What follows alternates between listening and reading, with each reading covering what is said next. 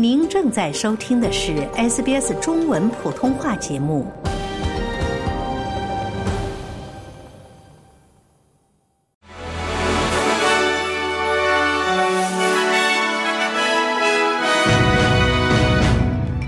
听众朋友们，下午好，我是 SBS 记者秋实。今天是二零二四年二月二十一日，周三。本期 SBS 新闻快报的主要内容包括。支持巴勒斯坦的抗议者用假尸体袭击州长办公室。澳大利亚第四季度年度工资增长创十五年来新高。六分之一的澳大利亚人使用信用卡支付日常开销。下面请收听新闻的详细内容。支持巴勒斯坦的活动者在维多利亚州州长艾伦和副州长卡罗尔的办公室外留下残缺不全、浑身血迹斑斑的人形玩偶和手工制作的火箭。并称这些玩偶代表了在加沙被杀的儿童。这是本月第二次有活动者袭击维州州长的办公室。一个支持巴勒斯坦的组织“加沙不再有尸体”称对此事负责。该组织的活动人士称，这些玩偶模拟出的儿童尸体是为了抗议工党政府与以色列军事技术公司和国防承包商埃尔比特系统公司的合作关系。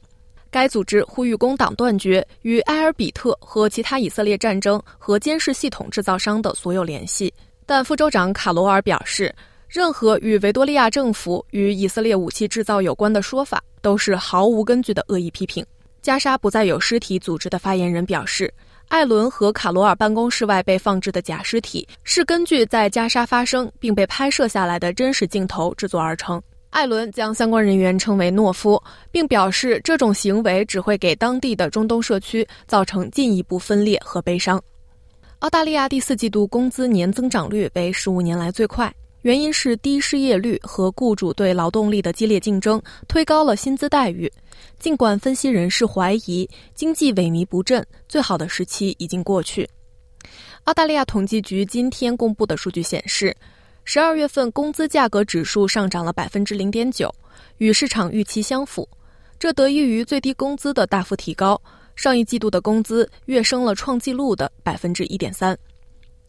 年薪增长率从百分之四点一升至百分之四点二，是自二零零九年初以来的最高值。澳大利亚储备银行在周二的会议纪要中指出，劳动力市场中某些领域的工资增长已经放缓。这也是储备银行在本月早些时候决定暂缓加息的原因之一。因为生活成本上涨，六分之一的澳大利亚人求助于使用信用卡来支付日常开支。一项新的研究发现，百分之二十七的澳大利亚人比以往任何时候都更加困难，财务压力更集中在南澳大利亚州和昆士兰州。慈善机构 Good 三六零发布的数据显示。近十分之一的受访者曾寻求过慈善机构的帮助，或者由于经济压力而正在考虑寻求帮助。Good 三六零 Australia 的总经理科文顿表示：“人们使用信用卡来支付生活必需品是相当可怕的，这证明了家庭所面临的财务压力。”科文顿表示：“现在的澳大利亚人比以往任何时候都需要帮助。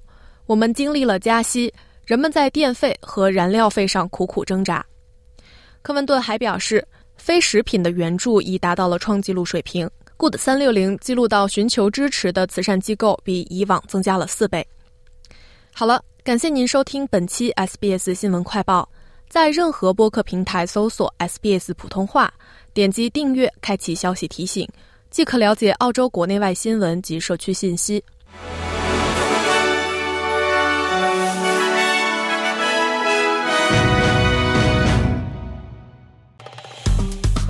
喜欢、分享、评论，欢迎您在 Facebook 上关注 SBS 普通话页面。